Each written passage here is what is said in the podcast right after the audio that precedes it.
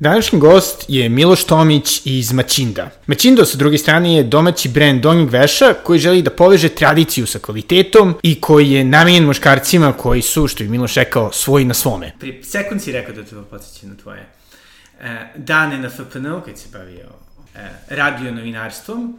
Mislim, kako ono, od radio novinarstva ili novinarstva na FPN-u do Maćinda. Da. Koji je bio put? Pa bio je spontan prilično. Mislim, uh, kako sam došao u Beograd, pošto sam inače iz Bijeljene, iz Bosne, ovaj, i onda nekako čitava ta akademska putanja je išla u tom nekom pravcu, ok, da li ja zapravo vidim sebe u medijima, I to je bilo tokom te četiri godine poigravanja sa različitim medijskim žanrovima, ne znam. I na fakultetu smo imali različite te, da kažem, novinarske predmete i onda sam imao priliku da, da se, da kažem, oprobaš u različitim žanrovima, stilovima i pronađeš se tamo gdje ti misliš da se najbolje uklapaš. Mislim da je, da se to desilo posle druge godine fakulteta, kada sam ja shvatio, ok, ne bi bilo loše da ti pored fakulteta kreneš da radiš nešto drugo. Mislim, tada čitava ova priča o Maćindu kao modnom brendu i čitava ova priča sa etno gaćama ili na, nazovi kako hoćeš etno donje vešu nije bila ni u planu, mislim, ovaj, to je bilo, ja sam pisao faks 2009. godine i onda sam paralelno sa fakultetom uh, ušao u sferu nevladinih organizacija, tačnije omladinskih udruženja. Ovaj, na bukvalno nagovor koleginice sa fakulteta, uh, bio je neki konkurs za, za neki projekat studentski uh, koji se zove Međunarodna studentska nedelja u Beogradu. Kao je, ajde, prijavi se da volontiraš, super iskustvo, bit će ti dobro uz, uz budući CV, kao, ajde, što da ne ne. I onda na tom projektu, uh, ja danas, danas dan trubim ljudima kako je meni taj projekat na neki način karijerno pomogao da, da pronađem sebe i oblikovao do, do neke mere, ovaj, jer sam ja nakon te prve godine tog festivala, to je bilo davne, 2011. godine, ovaj, ušao u čitavu tu organizacijonu priču tog, tog studentskog međunarodnog festivala i bio tamo do, do neke 2016. 17. otprilike. Ovaj, dakle, nekoliko godina gde sam u suštini prošao sve neke različite faze i mislim sve je bilo na vazi volontiranja, ali dosta te onako spremi za, za pravi poslovni svijet. I onda svaki put sećam se kad sam išao na bilo koji razgovor na posao, ja stalno trubim o tom festivalu, kao kao neki njegov najveći ambasador, što, što zapravo jesam, jer mi je dosta toga dao, iako je bilo 100% volontiranje. I onda se desilo da sam um, sticajem okolnosti um, dobio priliku da master odradim u Danskoj. Uh, dobio sam stipendiju tamošnje um, vlade Kraljevine Danske da provedem godinu dana i to je nekako bila pauza sa tim festivalom, ja sam otišao u Dansku, prvo završio tamo master, vratio se. Si bio u Kopenhagenu? Ili? Uh, prv, eh, zvanično univerzitet je bio, Roskilde univerzitet se zove, i to ti neki gradić recimo 20 km od Kopenhagena. Sa poznatim festivalom. Tako je, Roskilde festival jako, jako poznat. I onda sam, prvi semestar sam bio zapravo u kampusu, a drugi semestar, a, eh, pošto je gradić Roskilde jako mali, vremenom obišao sam sve i svašta u Roskilde, i onda sam se samo u drugom semestru prešaltao u Kopenhagen. I onda je to onako bila dosta... Prvi put sam negde vani godinu dana i mislim da je tu negde u mom, u, u mom mozgu nastala neka preduzetnička klica iskreno, jer znaš kao godinu dana provedeš u stranoj zemlji, studiraš na, na drugom jeziku, znaš, povezuješ se sa, sa drugim ljudima i tada sam ja shvatio, čekaj, stani, mislim, Danska je jako uređena zemlja i mene su kao stranog studenta tretirali kao malo vode na dlanu i onda tamo shvatiš, mislim, jako banalno i prosto, ali kao shvatiš, čekaj, Mislim, danci nisu ništa pametniji nego mi. Ništa nisu sposobniji kao mi. Samo nekako na neki način te odredi mesto u kojem si rođen. I on sam ja shvatio, ok, ajde kad se vratim da, da, vidim, da vidim šta ću ja da radim sa tom preduzetničkom klicom koja nekako očigledno tinja u mene. I onda sam se ja vratio, to je bilo od 14. na 15. godinu, akademska godina, ja se vratim 15. godine ovaj, u, u Beograd, tada nekako i završim sa, sa čitavom tom fakultetskom pričom, stavim tačku i nekako krene ta i ta, ta da kažem, mini poslovna ono, karijera u suštini. Krene tako što sam ja dobio posao dok sam bio u Kopenhagenu, dobio sam posao u Srbiji. Tako da mene neki, na neki način vratio posao u Beograd, jer da se ne lažemo, jedan dio mozga je meni govorio možda ne bi bilo loše da ti ostaneš zapravo u Danskoj. Da. A kontem, pretpostavljam i ono, dobar deo tvoje ekipe more, porodice, moraš da biti kao pa zašto tamo možda ne probaš, zna. Upravo to, upravo to. Ovaj, ali nekako se sve tako poklopilo. Mislim, Danska ima super, uh, barem je tada imala, ne znam kakva je sada situacija, ali ima super sistem davanja kao blue card, kao što Amerikanci imaju green card, i imaju sistem bodovanja. Dakle, da bi ti dobio njihovu ono, residence permit i work permit, ti treba da skupiš 100 poena i onda ti na osnovu kriterijuma koji su oni postavili, ti tačno vidiš koga oni traže. Naprimer, bilo ko do 35 godina, to je bilo tada, dobija automatski 60 poena bilo ko sa master studijama dobija još 20, sa doktor, doktoratom dobija, ne znam, još 30 i tako dalje, nivo jezika, nivo poslovnog iskustva i onda sam ja bio na nekih, baš sam, baš sam računao sebi, čekaj, ti imaš stvarno šansu da ti ostaneš u Danskoj ovde na legalan način. Uh, I bio sam tako neki 95 poena i onda je taj moj kalkulator prekinula ta vijest iz Srbije da sam dobio posao u, u Beogradu. I ništa, onda sam se vratio tu, onda sam nekako od, od tada, da kažem, plivao u, u tim nekim startup vodama više manje i nekako držao se tog, tog nekog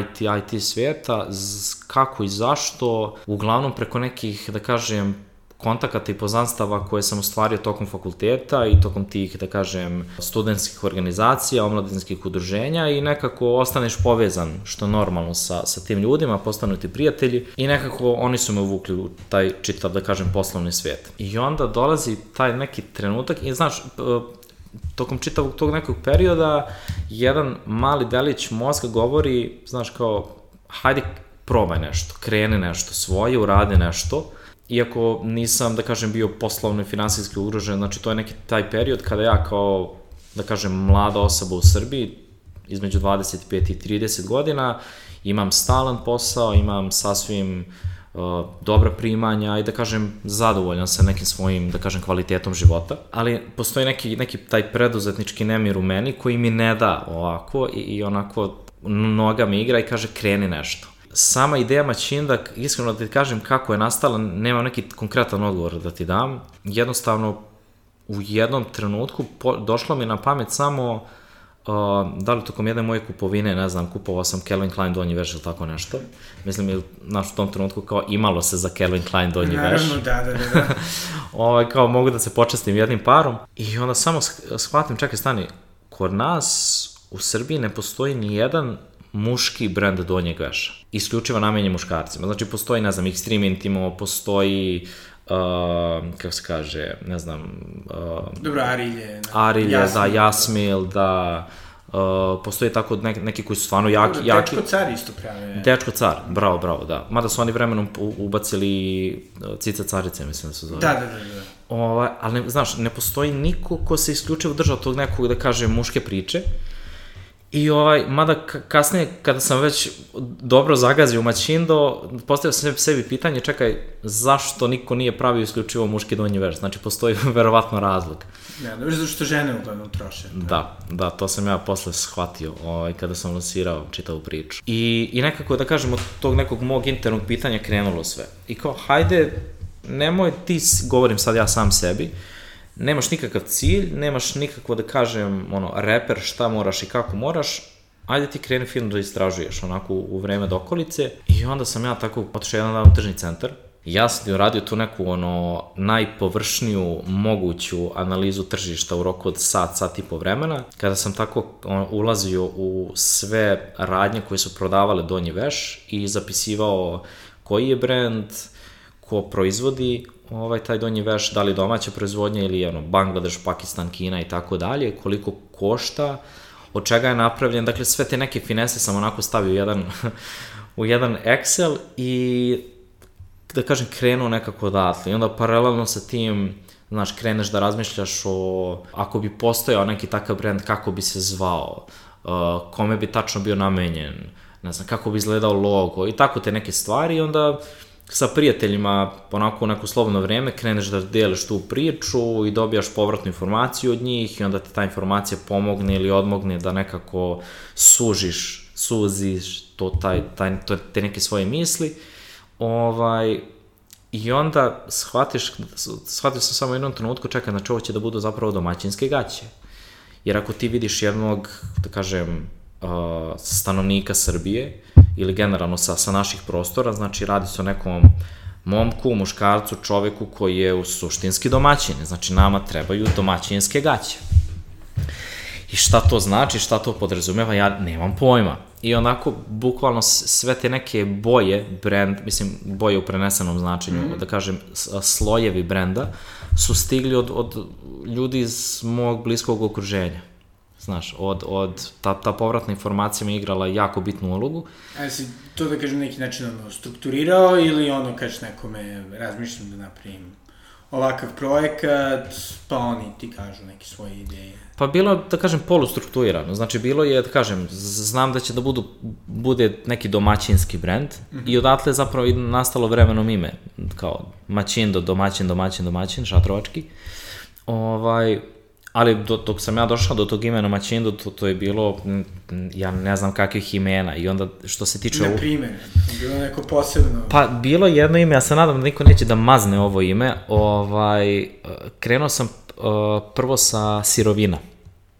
Dobro, I, nije loš ideja. Da, ovaj, tako da, ako neko sluša ovo i ako posle ovog se pojavi brand, znaću da, da je ukradeno. Ovaj, uh, ali kao, razmišljam, sirovina možda, ako bi Maćindo došao u, u, ta, u tu neku fazu Bože zdravlje i nadam se da hoće da, da krenemo da radimo van Srbije, ne, šta znači sirovina za nekoga u Poljskoj ili, ili Mađarskoj ili Grčkoj, nema neki, da kažem, poseban, poseban značaj. Ja ne znam da je baš ono panslovenska reč možda ima. Pa možda vidiš, to, to me nekako nije palo na pamet. Isto imaš taj moment, da imaš dosta sad brendova koji baš furaju tu panslovensku priču znaš kao, ono, Slavic Squat i tako te neke stvari. A, dobro, da, da. Da, da. Ovaj, I onda zadržao sam se maćin da znaš, aj kao da, da damo to duplo C, da malo imate neki možda i, da kažem, italijanski šmek, da.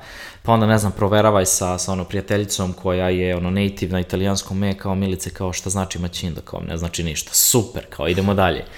I dobro stilizovana šajkača. Da, da, logo, ima, bukvalno imam sačuvan ilustratorski dokument i koji vidiš hronološki kako je nastajao logo, znaš. Um, ne znam, to je bilo istraživanje slove, staroslovenskih runa, ne znam, neke su ono glagoljice, mislim, ne, nemam pojma.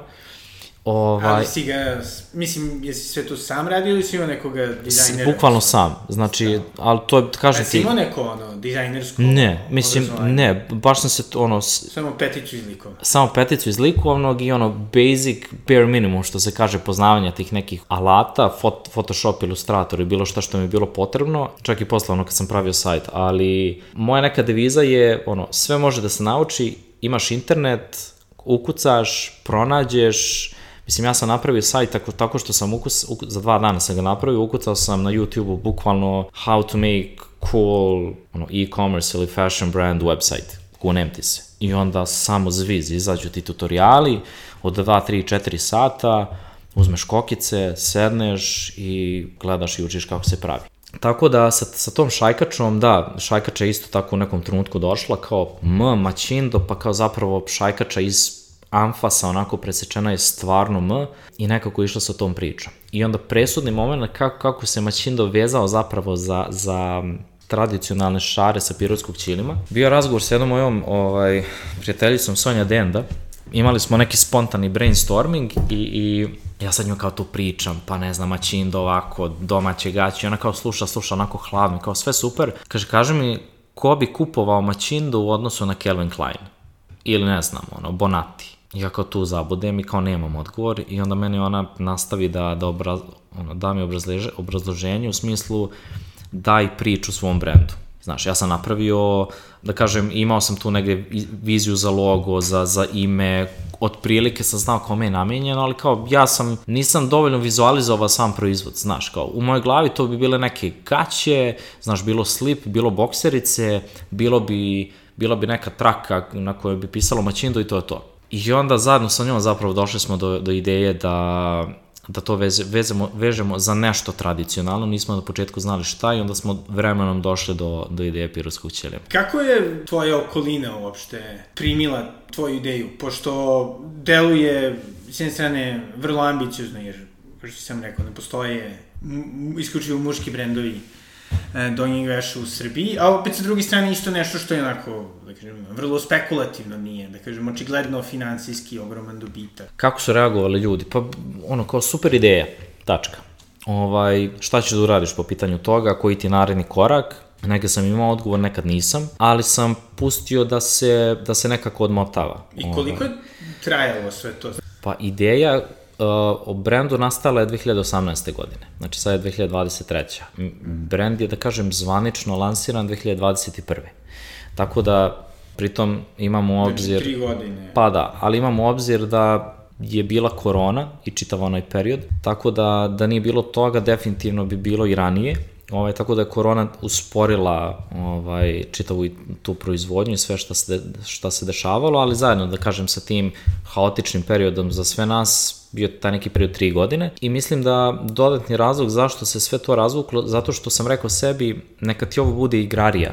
I bukvalno sam tako gledao na to, kao na neki, ne bi ga nazvao ni projekat, već mislim, sa, čak ga ni sada ne nazivam projekat jer stvarno jedan dio mene živi maćindo i znaš ti svako ko je preduzetnik zna da ti svaki dan moraš da radiš minimalno ne, nečega nešto kako bi održavao taj neki kontinuitet rada ali da kažem taj neki period od tri godine i onda u toj, tom trogodišnjem periodu završena je ta priča sa, sa ono, da, da pirotski ćilim, odnosno šare sa, sa pirotskog ćilima vežemo za, za donji veš i onda je nastao koncept, znaš, u tom trenutku. I onda kao, ok, šta sada?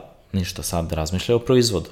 I šta je proizvod? I onda tako, ovaj, prvo pitanje je zapravo na koje sam morao da odgovorim je bila su dvije putanja zapravo. Ja sam tu sad krenuo da istražujem, ne znam, po principu dropshippinga, znači odeš na AliExpress, Alibabu, tamo nađeš gomilu Kineza i zapravo vidiš, aha, Kinezi su mi jedna opcija, dobro, i sad tu krene, ne znam, pregovaranje sa Kinezima, to je opcija A, opcija B je da bude domaći proizvod. Na što sam ja više naginjao, ali sam znao da je potrebno dosta više znoja da bi se, naročito za nekoga ko apsolutno nema iskustva u modnoj industriji, dizajnu, brandingu, znaš, za mene sve bilo novo i to mi je davalo neko dodatno uzbuđenje i, i drive da krenem da tabam ta, taj put. I onda sam shvatio da ako bi mi neko iz Kine radio gaće, ja bih to tretirao proizvod jedan kroz jedan. U smislu, iskomuniciram sa kinezima, želim to, to, to, to, to, pošaljem im nacrte, dizajn šta treba, one to odrade, pošaljem nazad potpun gotov proizvod i čak imam prototip zapravo jednog da kažem... Ajde, znači ušao si i u Da, da, da, dakle, a, a, ono, bio je neki, da kažem, nacrt, kontaktirao sam Kineze, oni su meni poslali jedan primerak, jedan komad i kao ovo stvarno deluje super i to je bio prvi trenutak, to je bilo neposledno pred koronu, kada sam ja držao maćin dogaće u, u rukama. I prve su bile kineske. I prve su bile kineske, da. I to je bio samo jedan jedini, danas znam samo jedan jedini kineski primerak. I onda sam rekao sebi... Čelično prijateljstvo. Da, čelično prijateljstvo, tako je. I onda sam rekao sebi, ostani ti u okviru granica Srbije što se tiče proizvodnje, jer vraćam se na priču o povratnoj informaciji iz okruženja. Tri glavna stuba neke uspešne priče što se tiče tog nekog brenda su pod A domaća proizvodnja, pod B jako dobar kvalitet i treće jako dobra priča. Onda sam shvatio koliko je zapravo to teško. Ne teško, već je samo, samo ti duži put. Jer sam shvatio, znaš, kada sam krenuo da tražim po, po internetu ko šije ili kroji muške gaće ili generalno donji veš, shvatio sam da znaš, nije kao na zapadu gde te sve izlazi, već moraš da zoveš Peru Miku Žiku, pa Žika ne zna, Žika ne radi, pa ti da broj Slavice, pa Slavica radi samo šivenje, treba ti neko ko radi krojenje, pa oni ne mogu, puni spuni kapacitet i onda shvatiš da da bi se napravio jedan primjerak donjeg veša, ti moraš da ga razložiš na materijal, šivenje, krojenje, etikete, lastiš, pakovanje. Dakle, samo proizvod. Ne govorimo o marketingu, ne govorimo o prodaji, dakle, govorimo samo o proizvodu. Mm -hmm. I ništa, i onda je vremenom... Kako to izgledalo? Kažite sve to. To je izgledalo tako što je moj Excel, onaj prvobitni, kada sam bio u ušću, kada sam napravio ono, uh, Bože me sačuva, istraživanje tržišta, sve više i više rastao. I onda sam sve informacije onako trpao kao sumanut u taj Excel i kažem ti, krenulo je od, od ono, Google-a, pretrage, pozivanja jednog, petog, sedamnaestog, sedamdesetog broja, a, usmjeravanja, mi ne možemo, evo ti broj ovoga, mi ne radimo, puni smo i bukvalno tom principu. A postoji neki centar industrije donjeg veša u Srbiji? Mislim, okej, okay, kao Ariljski pamuk. Pa Arilje, mislim... Znači Arilje. Da, da, da, Arilje. E sada, koji je bio, koja je bila situacija... Novi pazar, ne? A, novi pazar što se tiče materijala, da, da. Dakle, ja nabavljam novi pazar, a, materijal stiže iz Novog pazara. Mislim da se nalažemo, to je sve turski pamuk. Srbija kao Srbija ne proizvodi, da kažem, materijal. Sve te bale materijala, rolne materijala dolaze iz Turske. I što se tiče generalna Arilja, moj inicijalni, da kažem, po znacima navoda, problem je bio taj što sam ja za tu neku prvu seriju lansirao jako mali broj donjeg veša jako mali broj komada i niko nije htio da proizvodi tako, jako, tako mali broj, a ja sa, sa neke strane nisam, nisam htio da se upuštam finansijski previše u čitavu tu priču, jer stvarno nisam znao... A o koliko malom broju pričamo? Da, bilo je neke 250 komada. Znači, to je, da kažem, bila... Znači, to je ništa za, za čak i za naše proizvođače. Pa da, da, da, mislim, ono, ja pričam sa Đurom, ono, nemam pojma, i kao, pa koliko bi ti, pa rekao, oko neke 250, ma nema šanse. Mislim, kao, to je nama ništa. Mislim, kao, mogu, ali njima se ne isplati, razumeš? Da, da, da. I onda, mislim da je to bio najveći problem i nekako sam naš, došao do, do ti nekih kontakata, uh, jedan kontakt, uh, bio jedan čovek iz Arilja koji je radio krojenje, istovremeno i šivenje i onda znaš, ti kad već upoznaš ljude iz te priče, iz te industrije, nekako ti bude lakše. I onda ti oni daju neke savete, opet kažem, Pa da, to sam htio da, da pitam, pošto ovaj, imamo i prijatelj i zapravo alumnista pokretača Đorđa, da ga pozdravimo. Pozdrav. Ovaj, se bavi šivenjem i, mislim, ono, to jest krojenjem, ajde. I zapravo i sama stvar je da, ono, koliko nemaš iskustva s tim, mislim, kroj je vrlo... Zato, stvar, pogotovo za, za donji veš koji zaista treba da bude i udoban i sve. Pa da. Kako je to izgledalo, mislim? Uh, pa kažem ti, uh, ja verujem da postoji drugačije priče, različite priče, ono, moja neka priča je, ja sam bukvalno, ono, spao s kruške što se tiče toga i kao nisam imao, nisam imao nikakva znanja ni u krojenju, ni u šivenju, niti sam ja, da se ne lažemo, planirao da, da nešto preterano znam o tome, ali uvlačite sama priča, znaš, i onda ja uhvatim sebe, žena koja šije meni objašnjava razliku između ovog i ovog kroja, mislim kao, znaš, ne znam.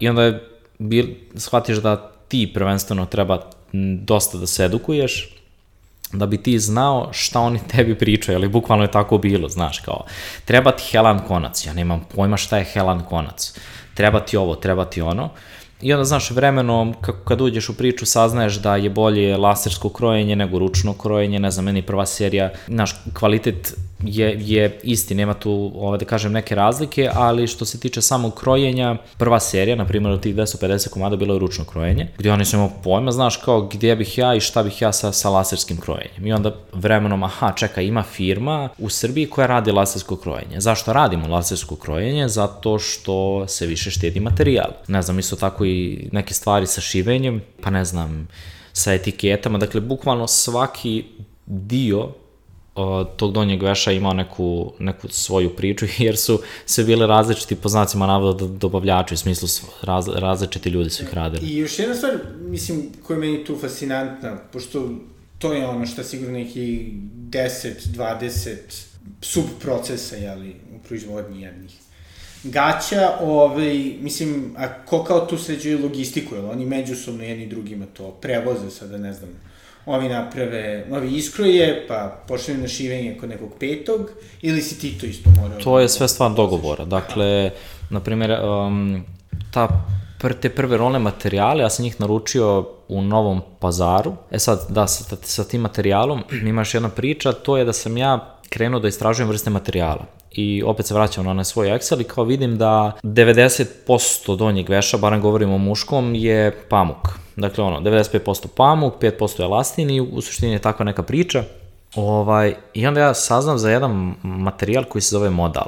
I kod nas uh, jedino slovenačka, sad ne znam da se izgovara listica ili liska, uh, jedino oni imaju um, u okviru svog asortimana donji veš sa modalom to jest od modala, i onda kreneš da istražuješ, aha, čekaj, zašto se koristi modal, i onda shvatiš da je modal jedna vrsta viskoze, neke ga zovu kao po znacima navoda neuništivim materijalom, jer je dosta, dosta mekan. I onda šta se dešava? Kad ti kad imaš pamučne gaće, ti nakon dugo, dugo pranja, taj pamučni donji veš vremenom ogrubi u određenom procentu. Kada se pamuk pomeša sa modalom, modal je taj materijal koji daje dodatnu mekoću, odnosno održava mekoću sve vreme materijalu. I onda ja kad sam to saznao, to je taj moment eduka, edukacije, ja sam rekao sebi, ništa, idemo sa donjim vešom od modala, odnosno kombinacija modal pamuk, modal da bi, da kažem, donji veš mogao da diše. I to je to. I onda sam srećom našao ovaj, tu jednu firmu u, u Novom pazaru koji na veliko dakle prodaju te, te bale materijala. I našao sam tamo taj materijal koji, koji je odgovarao tom donjem vešu I onda da kažem, kažem, vraćam se na tvoje pitanje, to je bilo stvar dogovora. Ti ljudi iz Novog pazara poslali su ovaj materijal u, u Arilje i onda da kažem logistički tako se, tako se da kažem rešavali te neke stvari. Tako da to je, to je u suštini to. I onda, ne znam, vremenom samo shvatiš kako uđeš u taj, koliko god ti ne proizvodiš sam, lično, individualno, taj donji veš, nekako sve više i više se uplićeš u čitavu priču, pa razmišljaš, aha, čekaj pakovanje, pa kako ćemo pakovanje, pa ne znam, kad se napravi proizvod, nekako čitav taj proces sam u svojoj glavi razložio na nekoliko faza. Znači imamo onu prvu fazu, samo stvaranje koncepta, Faza nakon toga koja dolazi je stvaranje proizvoda i to je baš dugo trajalo, ali kažem ti nisam davao sebi nikakav rok.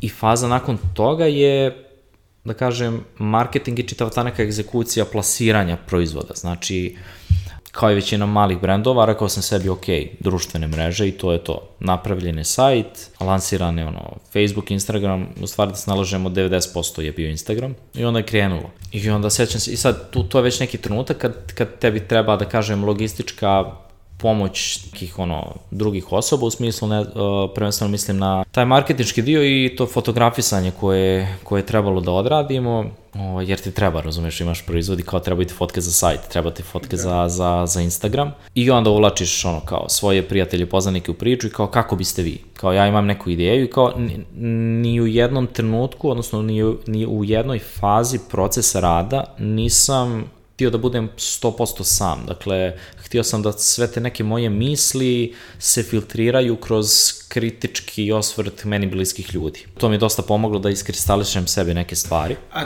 tvoji prijatelji su ovaj, imali, da kažem, dodirnih tačaka sa ono, modnom industrijom ili marketingom ili proizvodnjom ili su samo bili, eto tako, ono, ljudi kojima veruješ, Neki da, neki ne. Neki su imali ovaj, dodirnih tačaka sa, sa tim nekim ovaj, fazama procesa rada, neki nisu. I onda je bilo pola-pola. Dakle, uzimanje njihovog mišljenja sa jedne strane kao stručnog, a sa druge strane kao, kao osobe od poverenja. I ne znam, ono vremenom kada se to lansiralo, pomenuo bih um, osnivača brenda Jebiga, Srđan, sa kojim se sa vremenom povezao i onako sad vremenom, da kažem, sad dosta komuniciramo i razmenjujemo ta neka iskustva ovaj, i onako lakše ti nekako kad znaš da postoji još neko ko ko prolazi kroz iste te procese kao, kao i ti. Ali, kažem ti, dakle, taj period marketinga, dakle, to je neki period kada je, jednostavno došao je period kada sam rekao sebi, ok, tebi treba neka pomoć u, u određenoj fazi i onda je krenulo to, to fotkanje i kako će to da izgleda, koncept fotkanja,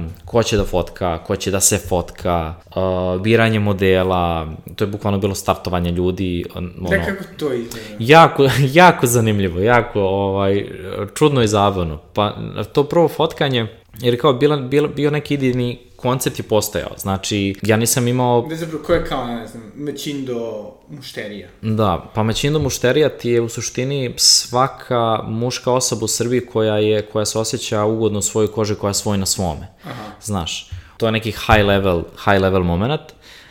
I dosta... I kako naći nekako to epitomizme? E, pa to je bio problem, znaš, jer kao postoji ta neka, da kažem, krug, nas nekoliko je, ovaj, da kažem, vijeće koji smo ovaj, birali, birali te modele, uglavnom svojim drugaricama sam prepustio to da rade i bilo je, znaš, kao ti nalaziš, uglavnom smo nalazili te neke ovaj, likove na Instagramu, ali kao tebi Instagram ne znači ni, ništa u suštini, jer Instagram može da bude lažna slika zapravo ko je zapravo neko. Pa da, a mislim i biti ovaj, mislim, model je isto specifičan skill. Upravo to, e sad, koja je fora bila? Mi nismo hteli profesionalne modele. Znači, mi smo hteli ono, da kažem po znacima navoda, normalne momke, što ne znači da su modele nenormalni, ali kapiraš me. Da. I onda ti nailaziš na, na znaš, kreneš da pričaš tako sa, sa nekim ljudima, je startuješ ih bukvalno na, na, na Instagramu i znaš, njima priča da je čudno, jer kao ne postoji sajt, ne postoji proizvod, ne, ne, ne postoji ime Mačindo, ne postoji još uvek na, na netu, razumiješ, i kao dosta je... Ništa u aperu. Ništa u aperu, znaš, dosta je sve nekako u, u vazduhu i kao zbog apsolutno opravdano dobili smo od nekih ljudi ne, skroz, skroz ovaj, u redu. Neki ljudi su, su, znaš, pristali. E sad, kao... To su ljudi koje niste, mislim, ono, znali. Znači, dosta. da, sad ću ti kažem, znači, prvo to fotkanje je bilo njih petorice, jer je kao bila neka idejna glavna zamisla da bude, da budu dosta grupnih fotografija, znaš kao. Je taj kao prvi model, crne, crni materijal, crni donji veš sa crvenom, crvenim lastišom i dva, dva modela, da kažem. Jedan, jedan su bokserice, drugi je slip. I kao ajde, ih imamo petoricu i neki su došli preko ono, poznanstava, e, kao imam druga, on, on kao pristao super on u tom fazonu domaćin, ovako, onako domaćinski super. Tako da smo neke, neke našli na taj način, preko bukvalno poznanstava, a druge smo dopunili kontaktiranjem na Instagramu. E sad ti da bih kontaktirao, znaš, na Instagramu, prvo smo ih startovali na prazno i onda skapiraš, čekaj malo, ajde da napravimo neku prezentaciju ili barem nekako, znaš, kao da... Nešto kredibilno, da. Da, da im damo nešto da ljudi znaju šta da očekuju. I ne znam, onda se pravila ta neka prezentacija, šta je Maćindo, kako nastaje, pa primjeri nekih fotografija, šta smo mi tu planirali, koja ideja je za čitavog brenda, svoj na svome i tako dalje. I onda smo dobili tih ovaj, sjajnih petoricu momaka, ugovorili fotografa, ugovorili studio i proveli čitav jedan dan. Bilo je prilično, da kažem, spontano jer meni je bilo prvenstveno važno da energija ljudi bude bude ok i da ljudi, ljudima bude prijatno, jer da se ne lažemo, naročito tim momcima koji nemaju iskustva u modelingu, znaš, jednim dijelom mozga bilo je neprijatno jer kao ti poziraš ispred objektiva kamere i za tebe je 10 ljudi koji su obučeni i kao ti tu treba nešto da preneseš neku, neku poruku, razumeš? Da. Kao neko ko je zapravo jednom učestvovao u sličnoj akciji ovaj, i koja se, hvala Bogu, nikad nije završila ovaj, objavljena niti u medijima, izrazito neprijatno vrlo je, da. Upravo to, bilo je, bilo je neprijatno i ti vidiš ljudima, znači I to je... pritom zaista da neki ljudi poput mene ne treba da budu modeli. Tako da, ove, mislim da ću da kažem, jednostavno postoje ljudi koji se bolje fotkaju i, i, i sposobniji su za to, ali ove, da, ali mislim, ko, ali to zvuči da dosta je zapravo ceo taj proces ti pomogao da nekako onako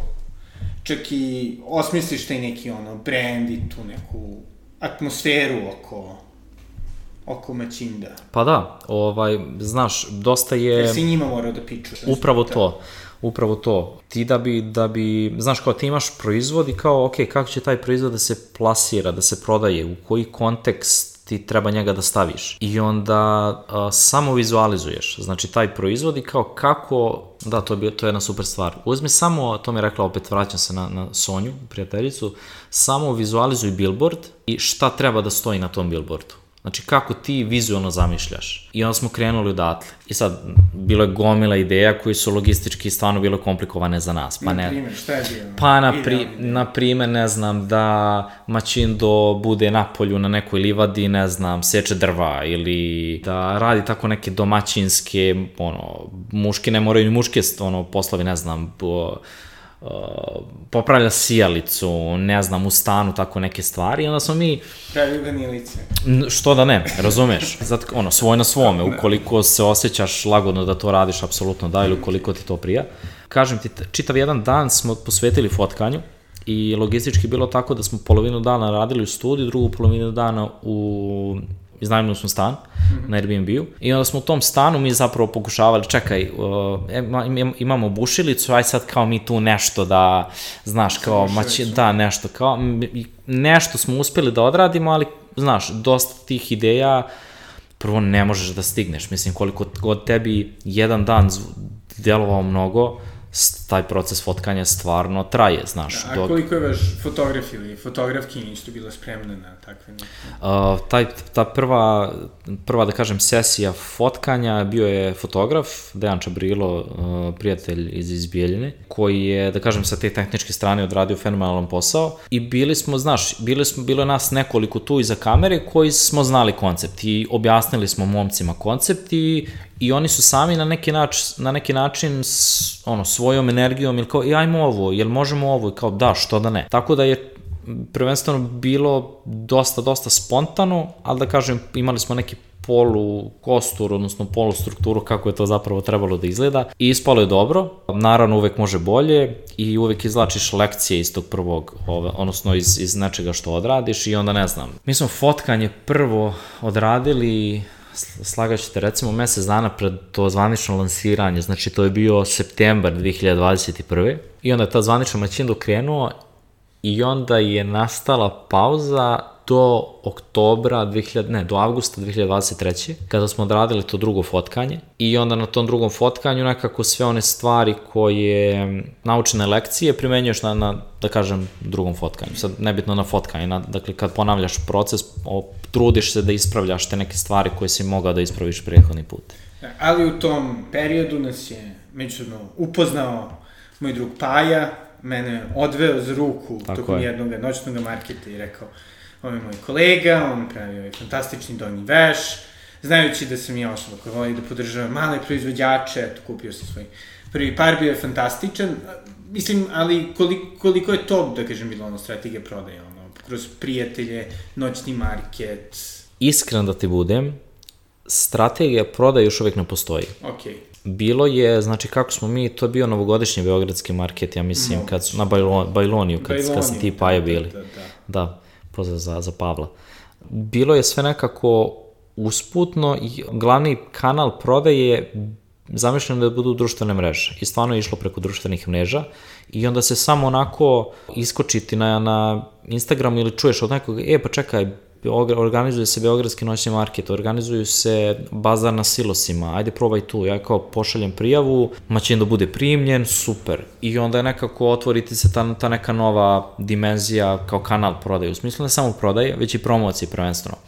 Ovaj, kažem ti, čitav, čitav ova priča, znaš, kad me neko pita kako je, kako ide i kao kako kako posmatraš na, na maćin do sada, ja ga definišem kao hobi koji košta. Jer je jako izazovno da ti sa full time poslom koji, koji imaš odvojiš nekoliko sati ili barem jedan sat tokom dana i vikende da ti radiš na, na tom brendu. Zašto je bila pauza između 2021. i 2023. Zbog toga što nije postojao kontinuitet. I to je bilo nešto na čemu sam ja radio, ovaj, odnosno u tom trenutku nisam radio na maćindu zbog neke, da kažem, i ličnih obaveza i tako neke stvari. Jednostavno ti treba kontinuitet i samo svaki dan uradi nešto najosnovnije za brand, čisto da, da održavaš taj, to trajanje. Uh, na primer, postovanje na društvenim mrežama, mislim, to je naj, kao najbanalnije. Održavanje komunikacije sa, uh, sa svo, tvojim dobavljačima. Kada kažem dobavljačima, konkretno u slučaju Maćinda, dakle, materijal, osoba koja šije, pakovanje, u smislu prodaje. Čekaj, ajde da istražimo šta, gde još možemo da se, po znacima navoda, uglavimo. Aha, postoji ovi koncept storovi, postoji jedan, prvi, peti, sedmi, ajde, kom, čuj se sa njima. Ne znam, mi smo u... Dok nismo ra rasprodali sve, mi smo imali saradnju sa Lovely Concept Storeom. Oni su ovde u, u Kneza Miloša. I tu smo se isto pozicionirali, kao imali smo ne naš objekat, ali postoji objekat u Concept Store-a sa kojim smo imali super saradnju i planiramo sada da je obnovimo. Znaš, tako da uvek, kad kažem te neke mini korake na dnevnom nivou, samo se staviš u taj neki modus operandi da razmišljaš kroz, kroz uh, filter svoga brenda, odnosno u, u ovom slučaju brenda, jel? Da. Mislim, ovo pitam zato što je li ovaj, ne znam koliko si upućen, ali ovaj, ja imam svoj merch dva, tri dizajna majica i, i dobro, okej, okay, to samo ono, zezanje. Međutim, video sam da, da dosta ljudi sada zaista lansira svoje neke mini modne brendove, ne znam, Jeanster, koji su ono, do, dobro, okej, okay, uglavnom konvencionalnije stvari, majice, e, duksevi i slično. Šta bi savjetovao ljudima koji bi hteli da se, ono, da kažem, ubace u tu, ono, modnu igru manje više ozbiljno? Pa ne znam, iskreno, ne znam da li sam prava osoba da savjetujem, jer ja sebi dalje smatram početnikom u ovoj priči, ali mogu da prenesem svoje iskustvo, mislim... Što bi rekao da definitivno ne treba da rade? Šta ne treba da rade? Pa ne treba da se možda zanesu nekim drugim pričama misleći da će njihova priča da upali na taj način. Na, na primjer, šta je Pa, na primjer, ne znam, sad, ono, spomenuo se sad, ono, gomela malih modnih, modnih brednova majica. Ne znam, vraća se, na primjer, na svoje iskustvo. Ja da nisam dobio povratnu informaciju od svojih prijatelja uh, zašto bi neko kupovao Machindo u odnosu na Calvin Klein ili na Extreme Intimo, a nema priču zašto bi to radio. Dakle, nemoj da se upuštaš u nešto ukoliko stvarno dobro ne napraviš koncept i priču. Da, majica može da bude super kvalitetna i apropo kvaliteta ti ćeš da daš toj majici neku cijenu, ali zašto bi ljudi kupili čisto belu majicu kad isto tako mogu da nađu u Zari, u H&M-u ili u bilo kom drugom butiku u državnom centru. Da. Znaš, tako da mislim ima super fenomenalnih malih brendova, ovaj kažem ti jebi ga brend meni je meni je sjajan. Imaš Albi Albi Wear, Uh, mislim da to je neki lik iz da Subotice, Subotice da, on mi je sjajan. Bile su isto, bilo je bio jedan brend, uh, ali on se ugasio, uh, svesno, svesno se ugasio, Jocks čarape ili Jocks čarapice, onako branding na čirilici Jocks, ovaj, kao najluđe čarapice. I onako neki urbani rečnik, urbana komunikacija, urbani vokabular, a uh, izašlo, izašli su mi na Instagramu i za jako kratko vrijeme dobili su veliki broj pratilaca i skrenuli su pažnju na sebe. Zašto? Zato što su imali koncept i bili su, u startu su od, od udarali od nečega, znaš. Ovaj, tako da mislim samo da, da je bitno dakle, šta ne treba raditi, ne treba se upuštati nešto čisto pravljenje majica radi pravljenja majica.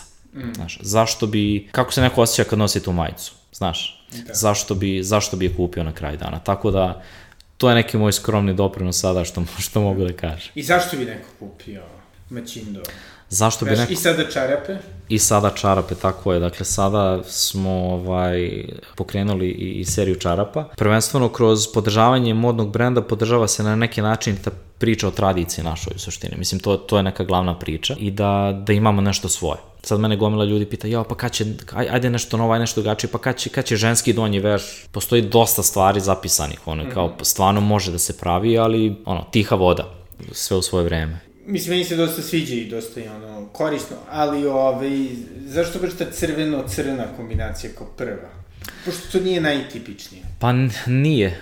Um, crna, da, to je isto bilo jedno od vjećanja sa, sa ono kao prijateljima, koji materijal... Manje koji... svi da se prlja. To je istina. Hteli smo da, da znaš, kao... Izgledaš mešavljenje, Istina. Bilo je, da kažem, to, tog nekog, ono, opet kažem, površnog istraživanja što se tiče tih boja i svega toga, a sa druge strane crna nekako odiše, znaš, daje ti taj neki luks moment, znaš. Ti kad vidiš tu traku zajedno sa tim crnim materijalom, ono, stvarno lepo izgledaju. Mislim, nije, nije što, smo, što smo mi napravili, ali stvarno, stvarno lepo izgledaju. A, zašto crvena boja?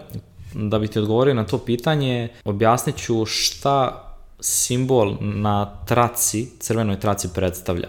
Mi kad smo shvatili da hoćemo da vežemo motive sa pirotskog ćilima na, na veš, tu je krenulo istraživanje, znaš, istraživanje pirotskog pirotskom ćilimu, o simbolima, pritom to je bilo koja, 2019. godina, na primjer, 20. ne znam ni ja, sad postoje knjige o, o pirotskom ćilimu, postoji, ne znam, postoji Milica Živadinović, Ornamenti Srbije, Etnografski muzej u Beogradu umeđu vremenu izbacio knjigu, zove se Dva lica.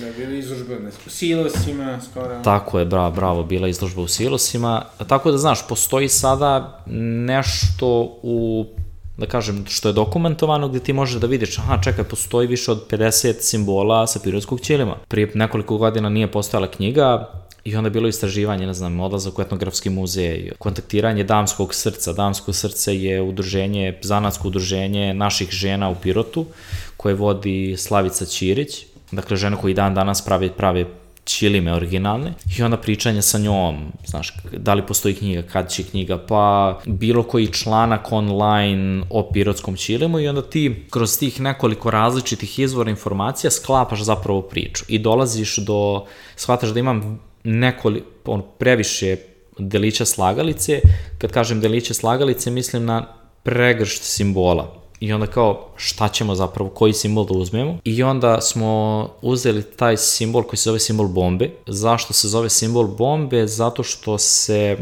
kaže se kao kada se raseče bomba, postoji, da kažem, taj neki specifičan prikaz bombe i onda u suštini na pirotskom ćelimu, sad ti kada ukucaš simbol bombe, vidiš zapravo to što simbolo, simbolizuje, da kažem, to neko ekskluzivno sredstvo. Od kada su pa, to krenuli da prave šta? Pa to je bilo, ono, kad, kad, veka, šta? Kao, da 18. vek, mislim, sigurno, I neka inicijalna ideja je bila da se ćilimi i ti, da kažem, predmeti sa simbolom bombe daju mladićima koji su tada išli u rat, odnosno bili su, da kažem, uzimani da, da brane domovinu. I onda iz te priče, odnosno iz tog razloga, uh, nastala je, da kažem, domaća legenda da taj simbol bombe daje muškarcima snagu i moć ponekad se vezuje možda čak i za, za seksualnu energiju. I onda smo mi bili u fazonu, to je to. Očigledno. To je to, uzimamo simbol bombe, muške gaće, domaći, domaći donji veš i stavljamo na... na... Vi ste razmišljali da povežete sa bombe 90. Nismo. Kolektivom, ne? Nismo, nismo. Ovaj, išli smo u, u ovom pravcu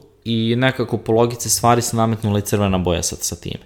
I onda sada u, u oktobru ove godine um, smo uzeli simbol kornjače.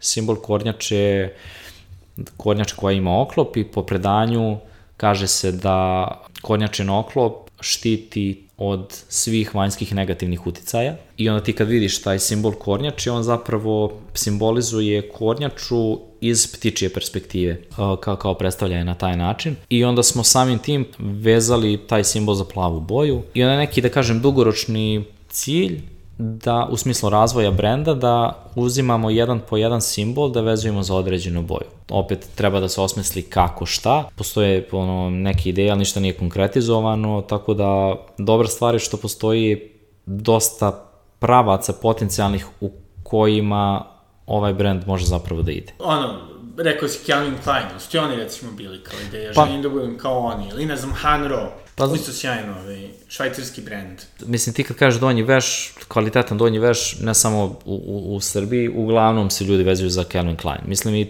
naveo sam ga samo kao primer, ne znam, ti imaš dosta, dosta kvalitetnih, ne znam, Diesel donji veš meni je dosta jako, jako dobro. Ali čini mi se da su oba i Calvin Klein i Diesel onako više popularni zbog da kažem, njihove estetike, ili ti... Zbog, ono, zbog, zbog, zbog imena.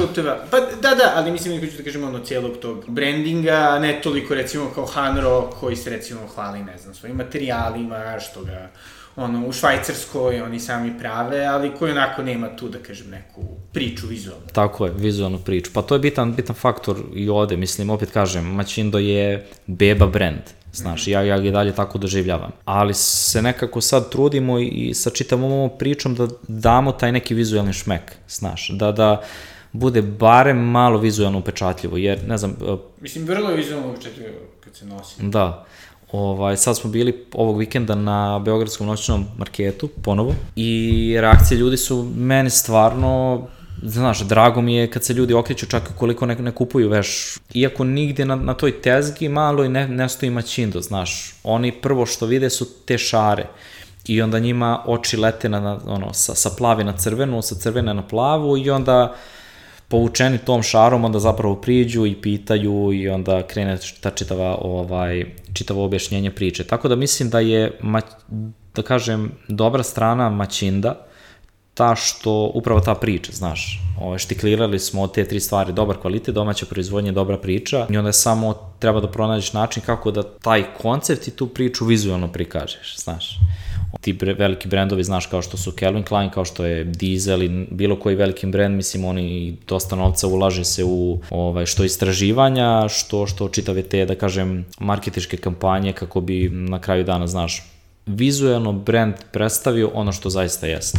I u kom delu e, da kažem sve do toga procesa ti nekako najviše uživaš? Šta ti nekako najviše daje snagu da kao nastaviš? Snagu mi daje kad stigne svaka nova prodaja. šalim se, šalim se. Mislim, ono, ima svako koji i ovaj, udela u tome, ali, znaš, mislim, bilo je toliko ulaganja, tako da, ono, moje neke prognoze su da narednih nekoliko godina ću, ono, biti na toj nekoj, nadam se, pozitivno nuli, ali ne razmišljamo stvarno o tom finansijskom trenutku sada i to mi nije cilj šalo na stranu. Mislim, da kažemo da najviše Naravno, naravno. da nastaviš. Da. Ovaj, pa priča radi priče, ako ćeš najiskrenije. I, i taj neki moment preduzetništva gde ti, odnosno ja stvarno u ovom trenutku učim i grabim iz svakog dela procesa nešto, znaš prodaja, kako se radi prodaja ovakvog fizičkog proizvoda, koji su mogućnosti da ti prodaješ, koketiranje sa kupcima na društvenim mrežama, u smislu objavljivanja sadržaja, načini kreiranja sadržaja, um, modifikovanje potencijalnog koncepta, plan, kako ćeš ti da razvijaš brend i dalje. Meni je to zanimljivo, znaš. Mene, mene pitaju kao, e, super, šta će novo, šta će novo? Znaš, kao, može da bude svašta. Ako, su, ako se samo uhvatimo za materijal, za boju, mat, e, za vrstu materijala, za boju materijala i za dizajn lastiša, to može da ide u beskonačno. Da, postoji ideje za druge odevne predmete, sad smo uveli čarape, majice, dukseve, mislim i tako dalje i tako dalje, tako da to me na neki način u tom nekom smislu uzbuđuje jer može da ide u, u nekoliko različitih pravaca, sad je samo da se održi, da kažem, taj kontinuitet i dalje na toj neko, da kažem, low scale nivou. Kako, da kažem, funkcioniše sradnja sa sličnim brendovima, pošto je li pomenuo si Albi Wear, znam neko vreme da je disciplina, to je da verovatno i sada isto u okviru svoje radnje nude ili tako, manje brendove. Čini mi se, ono, ima dosta koncept storova sada, uspešnih, ima. manje uspešnih. Ima, ima, jeste. Ovaj, mislim, ja lično ne poznajem ljude koji, koji prave Albi Wear, ovaj, ali mi je fenomenalan brend. Ali kažem ti sve, na, konkretno što se tiče Maćinda, preko, preko jebiga brenda, dakle preko Srđana, sam ja došao u kontakt sa, sa nekim koncept storovima i onda na, na taj način smo se, smo se uvezali i da kažem to je to je ta neki način kada ti kao pokretač bilo kog malog brenda pokušavaš način da nađeš novi kanal kanal prodaje znaš mislim bogu hvala Beograd je takav da imaš stvarno dosta koncept storova je sad pitanje je iz ugla njih koncept stora da li se tvoj brend uklapa u njihov koncept znaš mm Bilo je nekih situacija kada Maćindo, znaš, kada su, kada su nam rekli ne, zato što, ne znam, ne prodaju muške stvari. Ok, ne prodaju veš, znaš. Ali isto tako bilo je situacija sa Lovely Concept Store-om gde su se oduševili jer stvarno su, dopao im se proizvod kao takav. Jednostavno, znaš, kada si umrežen sa ljudima iz branše, onda lako može da se pronađe način ukoliko i oni tebe vide, odnosno ukoliko vide tvoj brand u njihovom izlogu i ukoliko ti smatraš da, da se ti kao brand uklapaš taj koncept store, onda je, onda je win-win. Da, mislim da bi ovo bilo ono, fantastično, pogotovo za, za da kažem, dijasporu, onako mi deluje. Da, da Uf, da to je, i to mi je, znači to je jedna sfera za koju mislim da će baš onako, kako se kaže, žargonski da pokida iskreno, i to da kažem targetiranje naših ljudi u inostranstvu da, da dopremo do tamošnjih ljudi, znaš. Nemoj da me pitaš na koji način, jer ne znamo, treba to da, da osmislimo i da vidimo šta i kako, ali definitivno da, nama je jedna od dobrih, dobrih ciljnih grupa zapravo dijaspora. Kada budemo pričali, nadam se, naredne godine, gde će biti Maćindo? U idealnom slučaju.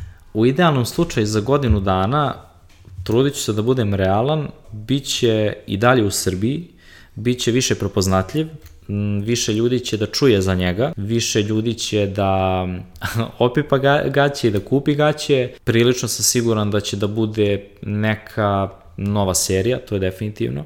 Čega? To vidjet ćemo čega, ali definitivno mislim da je fokus za sada da radimo na širenju svesti o brendu. Ništa što, što sad radimo sa brendom nije pompezno, nije, nemam nikakav taj ono blitz moment, ono, opet kažem, tiha voda breg roni, tako da očekujem i stvarno želim od ovog brenda, uh, što se tiče njegovog rasta, da raste polako, ali istovremeno da raste stabilno. Mislim da je onako sa, sa te neke moje preduzetničke strane, mislim da bi nam to davalo sigurnost, da je postavka dobra i da smo na čvrstim nogama.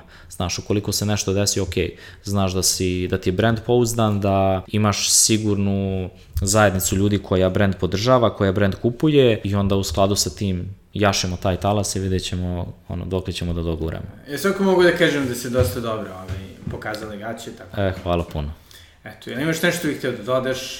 Kupite donji veš, uh, budite svoji na svome. Uh, da, ovo mi je zanimljivo. Dosta ženske populacije nam je target zapravo. I to mi je bilo fascinantno, znaš, kao... Um, kad uđeš u tako neku priču, ne, što se tiče tog brandinga, znaš, nisam, znaš, ne poznajem branding, znaš, kao, poznajem ga na nivou, čitam neke blogove, slušam vlogove, ali kao stvarno nisam... Da, kao konzument. Bukvalno kao konzument. I meni je, i onda sam pročitao uh, jednu rečenicu negdje, ili sam slušao neki podcast ili vlog, nemam pojme šta, uh, objasnili su brand na sledeći način. Brand ne stvaraš ti, brand stvaraju kupci. Ti zapravo samo uzmeš materijal i koncept kao takav i samo ga pustiš u eter. I onda vidiš kako će da bounsuje i vidiš kako će, kakav će efekt da stvara. I onda mi to sada radimo sa Maćindom. I stvarno mi je fascinantno da vidimo kako ljudi reaguju i zašto ovo govorim, dosta ženske populacije kupuje. I očigledno se Maćindo na jedan način profilisao kao, odnosno ovaj donji veš se profilisao kao dobar donji veš za poklon. Znaš, ovaj, sada na, na noćnom marketu mislim da je 80% kupaca da su bile zapravo žene. Da. O, ovaj, tako da taj moment isto brandinga iz zalaska u nešto nepoznato, uzbudljivo isto, isto, znaš, neko kad ugleda tu traku, a ne zna šta je, pitaće te, čekaj, ono, kakav ti ovo donje veš, šta ovo predstavlja, znaš, i kao, ako si kupio već taj par donjeg veša, a, verovatno ćeš znati šta predstavlja i kako priču nosi sa sobom. Doduše, nisam za ovu ezoteričnu, da kažem, aspekt bombe, tako. Da, da, to, to ovaj, smo iskomunicirali, stoji na, na web sajtu, stoji bukvalno priča. Rusi, to moram da kažem, da ne zaboravim, su fascinirani s to brendom. Znaš, čitav ovaj talas Rusa koji koji je došao, uh, ovaj, imali smo prilike na tim bazarima i noćnim marketima da pričamo sa Rusima i oni su stvarno, stvarno oduševljeni. Tako da dosta Rusa zapravo kupuje, ovaj, kupuje gaće i onda sad planiramo iskreno da i sajt stavimo na ruskom, što da ne. Na svim frontovima se napreduje. Stvarno mi se sviđa što su ljudi prihvatili brend, opet kažem mali je brend, ja ga stvarno i dalje doživljavam kao beba brend, ali na osnovu svih um, komentara koji smo dobili, stvarno ti nekako daje samopouzdanje da nastaviš. Ovaj, I mislim da je to dodatni benzin u, u tebi kao preduzetniku, ako te neko tim komentarima tapše po ramenu, onda je to očigledno dobar znak. Znaš, komentari da su da je donji veš udoban, ovaj, da, da ima priču i opet kažem da je stvarno domaća proizvodnja. Kako uopšte balansiraš, da kažem, obaveze vezane za mačindu i sa kafom? Ono, privatnim i poslovnim životom. Moraš stvarno da budeš čar, o, mađioničar što se tiče svog vremena. Svi smo različiti, ja se definišem kao radoholik, što ponekad dobro, što ponekad nije, nije dobro, ali um, znaš, tokom tog čitanja o brendovima i ljudi koji lansiraju svoje brendove i imaju neke svoje priče, znaš, ti moraš u određenom procentu da budeš opsednut tom pričom, znaš, nekim minimalnim, minimalnim procentom da, da bi stvarno imao to neki unutrašnji motor koji tebe gura naprijed, znaš, jer ti kada imaš posao od 9 do 5 ili ono kakvi god da su sati, dosta energije potrošiš na na posao. neki posao, da, i jako izazovno da ti ostatak svog vremena i energije utrošiš na nešto što je stvarno tvoje. I ono, taj moment uh, rada, rada za nekoga i rada za sebe, mislim da se to uči vremenom, iskreno, znaš, ja, ja nemam odgovor na pitanja, ali moment unutrašnje motivacije koji ti imaš je izuzetno, izuzetno važan, znaš. Sad svako ima različite, različite motive, ono, da li je rast brenda, da li je dobra zarada, da li je širenje priče o tradiciji ili nešto četvrto, ali treba da imaš taj neki svoj unutrašnji mehanizam koji te konstantno pokreće, da ti nije teško da ustaneš dva sata ranije, da ti nije teško nakon svog posla da odradiš za svoj brand nešto dva ili tri sata, da ostaneš dolaziš vikendom, dolaziš u podcaste, tako je. To samo sasjećaš ponekad, odeš ovaj, na odmor u Italiju dve nedelje, tamo napuniš svoje baterije i onda vratiš se pun energije, pun energije i kreneš i dalje da, da razvijaš. Postoji jedan trenut kad si bio na foruke, dižem ruke neću ovo više, redi nešto peto. Nije, ali postoje trenutak kada sam sve stavio na pauzu. Da me pitaš zašto, očigledno je taj neki post moment korone, ne znam kako da to objasnim, i sve to nekako ovaj, nije stalo, ali utihnulo.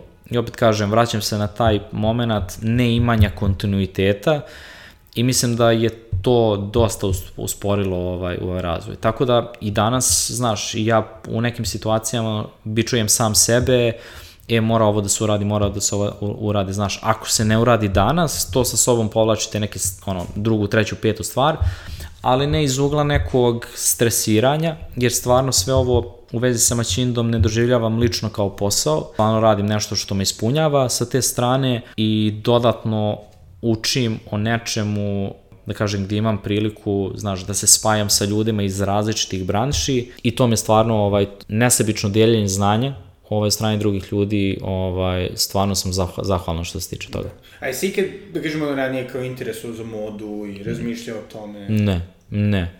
I sam ovaj brand iskreno nije nastao iz tog modnog aspekta, očigledno, znaš, jeste moda i kao modni, modni, modni je brand, ali stvarno nije, nije primarna, nije primarni naš, naš motiv. Prvenstveno je ta bila neka priča, kažem ti, prije nego što smo vezali pirotski ćilim, bilo je nešto što je inicijalno bilo samo preduzetnička priča i onda smo vezi vezali to za tradiciju i onda je sad to nekako postalo ukorinjeno.